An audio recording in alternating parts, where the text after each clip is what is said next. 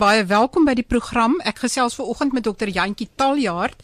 Hy is hoof van infeksie siektes by die Universiteit van Stellenbosch Mediese Skool en ook by die Tygerberg Hospitaal.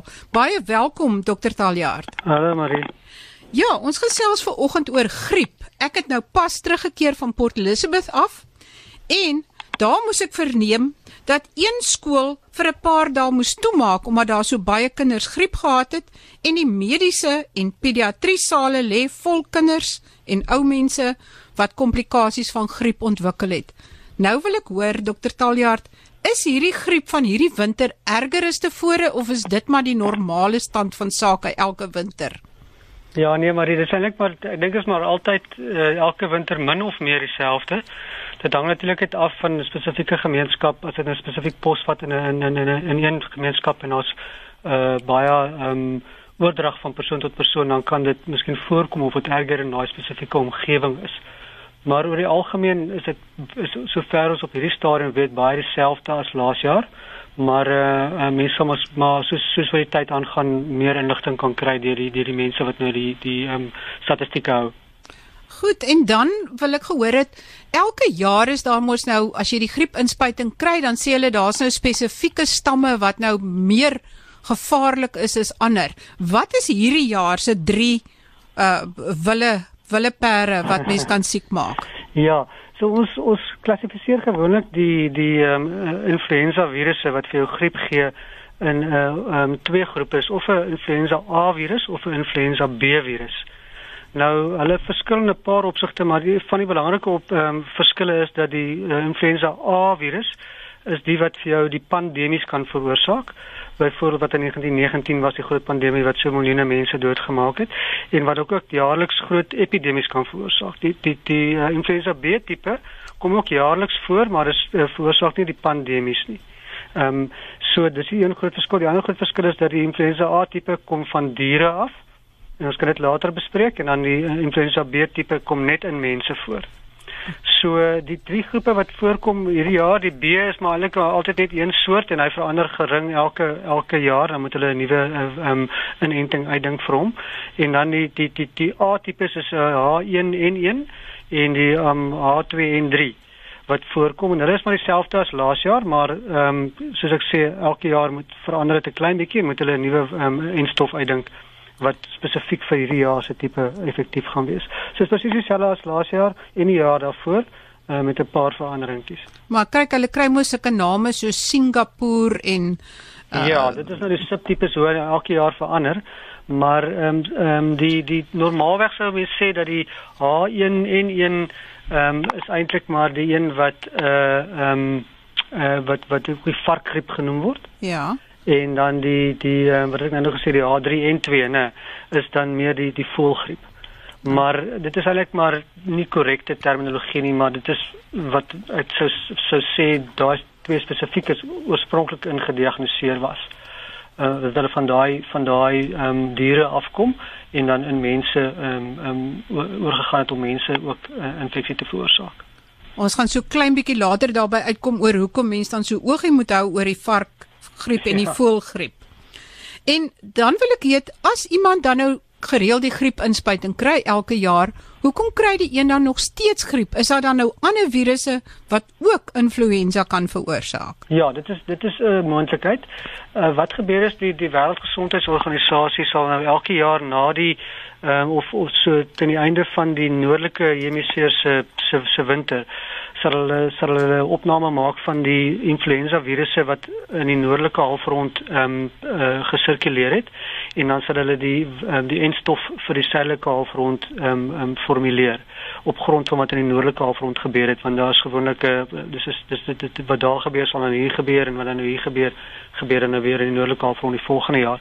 So ehm um, dit kan wees dat uh, daai virusse wat wat waarteen jy dan ingeënt is ehm um, die meerderheid van die virusse gaan gaan gaan dek, maar daar kan ook ander virusse wees wat ander name het soos 'n soos 'n ehm um, H5N1 of wat ook al wat ook nog teenwoordig is. En dan kan jy nou ongelukkig wees om deur die meer skaarser ehm um, virus ehm um, infeksie te kry. So definitief, dit kan dit kan 'n ander virus, 'n ander influenza virus wees. Dit kan ook wees dat jy dat jy waarskynlik 'n inenting gekry het ehm um, tydens terwyl jy reeds infeksie gehad het. So jy kry die inenting in binne 2 weke. Dit vat omtrent 2 weke vir die enstof om effektief te wees. Binne daai 2 weke of selfs tydens die wat jy die enstof kry, het jy reeds die infeksie gekry. En ehm um, uh, dan kry jy nog steeds ehm um, ehm um, die die ehm um, griep kry.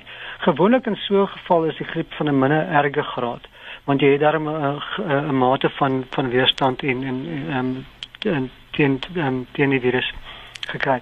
Of die die die derde oorsaak uh, wat wat wat natuurlik ook 'n rede kan wees is dat ehm um, jy 'n ander soort van infeksie het wat glad nie 'n griep is nie, maar ehm um, miskien 'n erge verkoue of 'n longontsteking of so wat kan voorkom asof dit 'n griep is. En kan dit wees dat as mens dat daar in sekere streke uh soos jy gesê het sê maar in PE is daar meer is dit meer virulent as in Pretoria of in Durban of so of kan dit nie so wissel binne nee, een land nie. Nee, dit hang maar af van die van die spesifieke ehm um, ehm um, tipe uh, virus wat teenwoordig griepvirus wat teenwoordig is. As dit die H1N1 is, dan sal hulle min of meer almal dieselfde wees en dan hang dit natuurlik ook af van die persoon wat die infeksie opdoen, wat hulle uh, immuniteit is um, of hulle uh, um, immuunodruk is of hulle swak immuniteit het vir 'n ander rede dan kan hulle ook erger siek word. Dit is nou juis presies die volgende vraag en dit is waarom is kinders en ouer mense meer weerloos en kry hulle makliker komplikasies? Ja, kyk dit dit, dit is uh, kinders en ouer mense maar ek wil net gou by sê dit is ook swanger vrouens baie belangrik om te weet dat hulle ook uh, baie hoë risiko het om siek te word en dan alle ander mense wat kroniese siektes het van die longe of die hart um, of nierversaking of HIV positief is, hulle het almal 'n baie vatbaar en en broos en kan baie siek word van griep. So die kinders en die ou mense spesifiek is dit gaan maar oor die immuunstelsel. Jong kinders, jonger as 5 jaar en veral jonger as 2 jaar, het 'n onvolwasse immuunstelsel wat nog nie so effektief werk nie. Hulle het ook al reeds ehm um, hulle moeders se se ehm um, immuniteit verloor wat hulle deur borsmelk en en so aan gekry het in die eerste 6 maande. En dan ouer mense natuurlik ook hoe ouer jy word, hoe swakker word jou immuunstelsel ook. Goed. En as dit wat is dan hierdie tipiese komplikasies wat dan so gevaarlik kan wees? Is dit dan maar meestal longaantasting of is dit hartaantasting? Wat is daai dinge wat mense so bekommerd maak? Ek dink die grootste bekommernis en by verre die die mees algemene erge komplikasie is maar 'n 'n 'n lewensbedreigende longontsteking. Ehm um, dit is die, dit is by verre die mees algemene een. Ons sien dit gereeld van pasiënte wat in die in die intensiewe sorg opeindig op op op ehm um, kunsmatige asemhaling as gevolg van erge griep. Maar dit kan ook die brein aantas. Dit kan uh, wat ons noem 'n enkefalitis veroorsaak wat 'n breinontsteking is. En soos jy gesê die hart kan ook aangetast word, ja. En as die pasiënt nou dit is nou 'n pasiënt en die een het nou griep gekry en nou begin dit longprobleme te gee. Hoe weet mens of dit die gevolg is van 'n virus, van die griepvirus en of dit nou 'n addisionele bakterieële infeksie is? Kan mens op 'n ekstraal onderskei tussen hoe lyk 'n virusinfeksie of 'n bakterieële infeksie of hoe weet mens? Ja, dit is 'n baie moeilike um, um, saak. Gewoonlik as 'n mens griep het, dan het jy dan ten minste die tipiese griepsimptome wat met 'n hoofpyn, spierpynne en dikwels boonste ligweg uh, tekens van van 'n loopneus en so aan seer keel. En um, en daar sal nie alhoewel jy miskien hoes en self slaim op hoes sal daar nie regtig tekens wees van 'n longontsteking met ondersoek of op ekstrale nie. Ehm um, uh, die bakterieële infeksie wat wat volg op 'n uh, griep ehm um, episode gebeur gewoonlik later wanneer jy amper alreeds beter word van die griep. Ehm um, en dan kry jy 'n uh, bakterieële infeksie. Dit is as gevolg van die griep wat die immuunstelsel afgetakel het. En natuurlik die die die slijmvliese ook beskadig het wat jou beskerm in jou longe.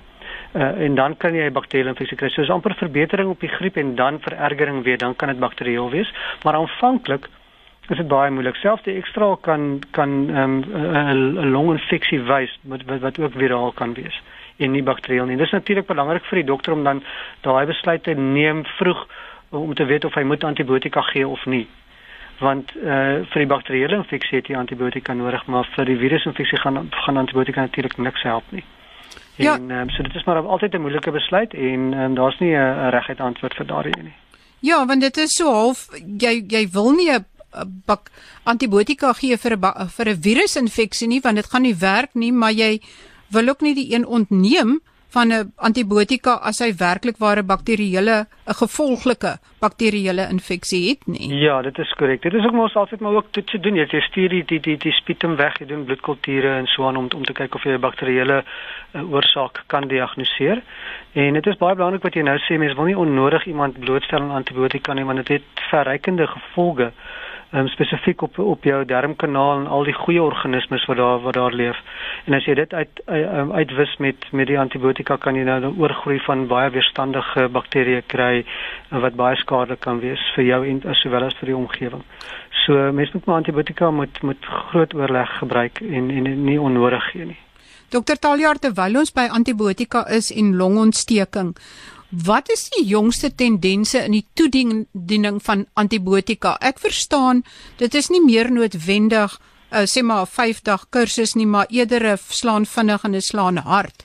Hoe hoe werk dit in die praktyk? Ja, ek dink dit hang baie af van die tipe infeksie wat jy het, maar spesifiek vir longinfeksies is die is die is die meer moderne benadering om kort behandelingskursusse te gee. En nou bedoel ons om tussen 3 en 5 dae en soms in, in uitsonderlike gevalle sal mens aangaan vir 7 dae afhangende van die situasie. Maar as jy gesond genoeg is om huis toe te gaan en jy voel baie beter op na 3 dae, dan kan mens oorweeg om selfs na 3 dae die behandeling te stop. Maar dit hang baie af van hoe jy reageer op die behandeling en of dit nou duidelik net 'n longinfeksie is en niks anders nie. Ook mense wat onderliggende emfyseem het en hartsiektes sal miskien 'n bietjie langer antibiotika moet gebruik en, en, en, en, en met ander woorde nie vir 3 dae nie, maar miskien vir 5 dae of om maksimum, maar nooit regtig langer as 7 dae nie. Selfs vir mense in die intensiewe sorgeenheid sal ons selde meer as 5 tot 7 dae se antibiotika gee vir longinfeksies. Maar ons kan natuurlik ander soorte infeksies wat ander dele um, um, van die liggaam betrek en daar moet 'n mens maar by jou by jou um, 'n GP uitvind uh, wat die wat die riglyn sê hoe lank 'n mens daai soort infeksies moet behandel. Maar oor die algemeen, alle infeksies is die moderne neiging vir korter behandeling tot daar redelike goeie um, um, responses klinies en dan kan jy um, besluit om die antibiotika te stop. So die ou die ou storie van jy moet jou kursus voltooi is nie heeltemal waar nie afhangende van of die korrekte kort kursus voorgeskryf is. Maar as 'n kort kursus voorgeskryf is, kan jy maar net kort kortliks neem. Ons neem, ons neem nie meer antibiotika vir 2 weke of langer nie. Hoekom het mense wat emfyseem of of ander longprobleme het, uh, langer dit nodig? Is dit omdat uh, die longe meer toe is of omdat daar vog is? Wat is die rede? Ja, dit kan wees, dit kan wees omdat hulle net miskien baie seker is en bietjie langer nodig het om te herstel. Ehm um, dit kan ook wees dat daar onderliggend uh, is wat ons sal sê strukturele skade aan die longe is en dat daar areas in die longe is wat miskien nie so goeie bloedtoevoer het nie en dat dit langer vat om te genees as gevolg van dit vat langer vir die antibiotika om die vlakke te bereik in daai spesifieke areas. So is maar 'n komplekse situasie, maar daar dit, dit gaan maar oor die kliniese respons van die van 'n persoon of hy vinnig beter word op die antibiotika. Dis 'n belangrike rigtingwyser vir om om die antibiotika te stop.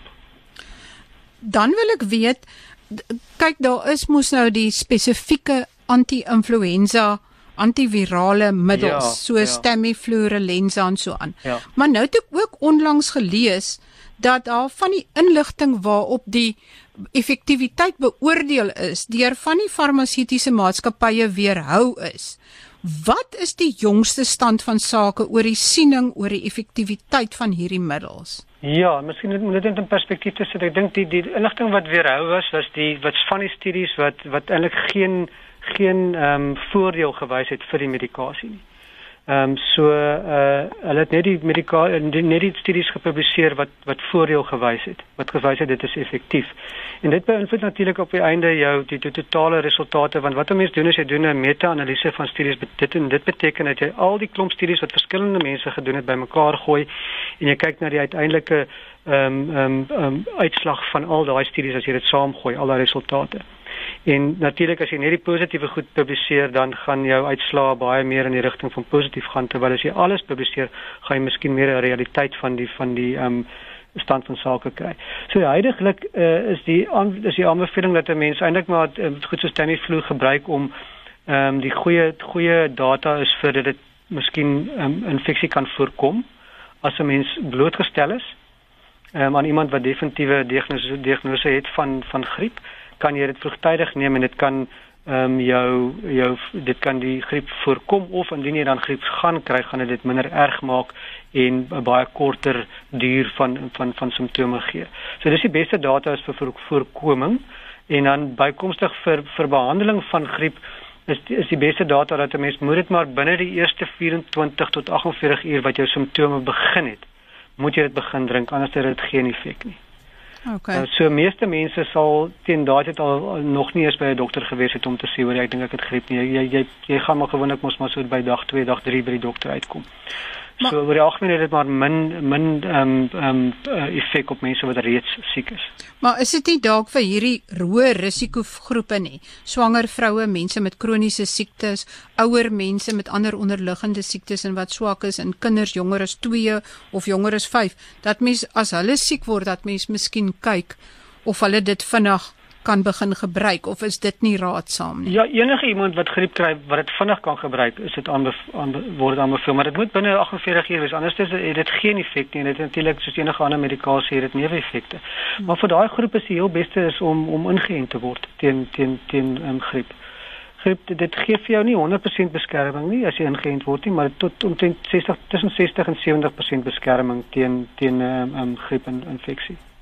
En dit uh, ek wou nou juist kom by die voorkoming van griep. So die belangrikste een is om die inenting te neem. En dit voorkom ook die inenting help ook dat indien jy dit kry dat jy minder ernstig dit kry en ek het uh, redelik onlangs data gesien van hoeveel gevalle dit die risiko vir of hoeveel mense minder longontsteking kry as gevolg van griep en minder sterftes dat dit op alle vlakke help om die effek van die griep te verminder. Ja, dit is net nogal ongelooflik as mens gaan kyk na die na die invloed wat dit het op soos jy sê op die die die ehm um, sterftes van mense met wat griep ontwikkel. En en dit is gewoonlik wat ons maar die die belangrikste maatstaf wat ons gebruik is. Wat is die effek van 'n ingryp wat ons doen op op mortaliteit en griep griep inenting het gewys dat dit daadwerklike effek het veral op die op die mense wat er, wat wat 'n hoë risiko het vir erge infeksie. Maar ek dink bykomstig tot inenting is natuurlik algemene higiëne. Ehm um, uh, veral handhigiëne. Ehm um, die die oordrag gebeur nie net van mense wat hoes of nies nie, maar dit is dit is dit is druppels wat wat op oppervlaktes lê waar ons elke dag vat. Ehm um, en as 'n mens bewus is daarvan en gereeld handhigiëne toepas, dan kan jy ook die die kanse vir infeksie baie verlaag. Hoekom is dit altyd as mens op 'n vliegtyg ry jy staan naby iemand sit wat hoes en jy die hele tyd voel jy moet koes vir die druppels? Dit is so nee. Ek dink altyd 'n vliegtyg of 'n baie beperkte ruimte soos 'n huisbak of so is eintlik 'n plek waar mens nogal maklik kan aansteek. Allerhande kieme wat bymekaar uitkom. Dit, dit is definitief waar en ek dink is ook belangrik dat uh, voorkoming hang ook af van die persoon wat siek is. Daai persoon moet ook natuurlik eh, ehm uh, ehm um, um, goeie eh, ehm uh, uh, um, uh, higiëniese praktyk volg. Met ander woorde as hulle hoes of nies met hulle hand vir die mond sit of in 'n ander rigting hoes of nies en so aan dit is ook 'n baie groot verantwoordelikheid op die persoon wat self siek is ook. Want dit is nogal skokkend hoe ver daai druppels kan trek, nê? Nee? Ja, nee, dit is nogal dit kan dit kan dit kan 'n meter of 2 ver trek. Ja, so wees maar versigtig en kyk aan 'n pad en bly weg van mense wat siek is. Dis korrek. Maar dan kom ons by die verband tussen mensgriep, varkgriep en voëlgriep. Hoekom moet mense oog hou op varkgriep en voëlgriep? Ja, so dis nou dis baie interessant. Dit is nou net die influenza A tipe wat wat wat van diere afkomstig is en en dis hoekom dit ook ons het onder die groep van zoonoses sit. Dis allerlei siektes wat van diere af oorgedra word na mense toe. En ehm um, so daar's verskillende maniere of die of die die virus kan self wat nou in 'n vark of in 'n of in of in 'n hoender of so voorkom kan kan mutasies ondergaan wat hulle dan uh, wat dit dan moontlik maak om die mens ook te infekteer. So as daar groot uh, uitbrekings van van griep is by varkplase of honderplase, is dit belangrik om onmiddellik te weet watter watter watter um, soort ehm um, um, influenza A dit is, is daar een en een of watter soort? Want as dit 'n nuwe soort spesifieke ja, heeltemal 'n nuwe soort is waaraan die waarna waaraan die wêreldse gemeenskap nog nooit blootgestel is aan nie dan is daar 'n hoë risiko dat daai daai spesifieke uh, tipe 'n pandemie kan veroorsaak want daar's geen immuniteit in die wêreld teen teen 'n soortgelyke virus nie. Ehm um, so dis belangrik om te weet wat dit is spesifiek en dan ook natuurlik om voor, om te voorkom dat dit uh, versprei na mense toe. Die ander manier hoe dit kan gebeur en dis baie interessant is is dat eh, 'n uh, menslike virus soos kom ons sê nou maar die huidige H1N1 kan vermeng binne in 'n ander dier met 'n uh, voëlgriep byvoorbeeld. So die vark is dikwels wat hulle uh, ek weet nou nie wat die wat die uh, Afrikaans is nie, maar hulle noem dit 'n mixing vessel. So, so die vark kan optree as 'n mixing vessel en uh, uh, hy kan geïnfekteer word in dieselfde tyd deur die menslike virus sowel as deur die voëlvirus en dan kan daai twee virusse gaan dan saamkom en muteer in 'n nuwe virus vorm wat dan ook pandemies kan veroorsaak want dit gaan dit spesifieke heeltemal nuwe soort virus wees wat daar kan uitkom. So is baie belangrik om altyd daai virusse dop te hou. Die veeartsenykundige eh, departemente in Suid-Afrika is nogal reg goed daarmee om onmiddellik dit te ondersoek, ehm um, dit dit ehm um, te tipeer in terme van die soort virus wat dit is en dan ehm um, dit te rapporteer. Raak voel siek van voel van die voelgriep uh virus? Ja, hulle gaan dood. Ja. En en varke raak hulle siek van um, As ek reg onthou en ek praat nou onder korreksie is dat hulle word nie so siek nie nee. So hulle Maar, maar ek dink daar is tog simptome dat hulle kyk hulle kry virusinfeksie, maar ek praat nou heeltemal onder korreksie. Al wat ek weet is die voëls gaan dood en die varke mag miskien siek word, maar hulle bly in die lewe sodat daar daai daai vermenging kan plaasvind en verspreiding. Dokter Taljaard, as jy 'n slotboodskap het oor griep en spesifiek hierdie jaar se griep, uh en die vaksin, weet wat is die beste tyd om die vaksin te gebruik en wat is jou finale boodskap? Is dit is dit ooit te laat om jou te laat inent? Ja, ek, dink ek wil net ek wil mense moet besef dat griep is werklik 'n belangrike uh siekte. So dis 'n ernstige siekte en dit is nie sommer net 'n gewone uh, verkoue wat 'n mens kry wat mens elke jaar kom verbykom nie. En hoe meer mense hulle self kan beskerm teen griep, hoe meer beskerm jy die mense rondom jou wat ehm um, ehm um, vatbaar is vir erge simptome en en en, en vatbaar is om dood te gaan daarvan. So die die die die inenting beskerm net jouself nie, maar die feit dat jy nie die siekte kry nie, beskerm ook ander mense rondom jou wat meer vatbaar is vir siekte. En ek dink veral aan die klein kindertjies en ouer mense en so. So dit is baie baie belangrik dat mense ingeënt word. En mens kan enige tyd ingeënt word, selfs nou nog steeds en in in middel van die van die seisoen. As 'n mens jouself jaarliks laat inent, dan uh, het dit 'n het dit 'n um, opbouende effek oor jare dat jou immuniteit teen teen griep versterk oor tyd, meer as wat jy dit net elke nou en dan laat doen. En dan moet mense bewus wees daarvan dat enige soos enige ander mediese ingryp het, is daar maar komplikasies. Uh die griepaanenting gee vir jou pyn in jou arm waar jy ingespuit is vir 'n paar dae en sommige mense kan 'n 'n 'n immuunreaksie ontwikkel wat natuurlik die hele idee is van die inenting is om 'n immuunreaksie uit te lok. Maar sommige mense kan 'n erger immuunreaksie uitlok wat amper soos griep griep kan voel. Dit is baie skaars, minder as 1% van mense ontwikkel dit, maar dit kan dit kan gebeur en dit is gewoonlik ook verbygaande en dit het nie dieselfde komplikasies as wat griep het nie. Natuurlik soos longontsteking of of breinontsteking, dis net 'n inflammatoriese respons wat vir jou spierpyn gee en 'n bietjie koors. Ja, want baie mense sê ook dat die griepinspuiting gekry het toe kry ek griep. Ja, soos ons nou gesê dit kan dit kan so wees dat hulle werklik griep gekry het, maar dit kan ook wees dat dit ehm um, dat dit wanneer die immuunreaksie is.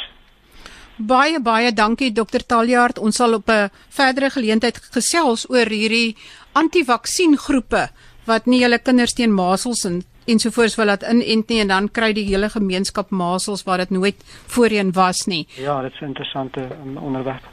Baie baie dankie dokter Taljaard. Dit was dokter Jantjie Taljaard. Hy's hoof van infeksiesiektes by die Universiteit van Stellenbosch se Mediese Skool en by Tygerberg Hospitaal.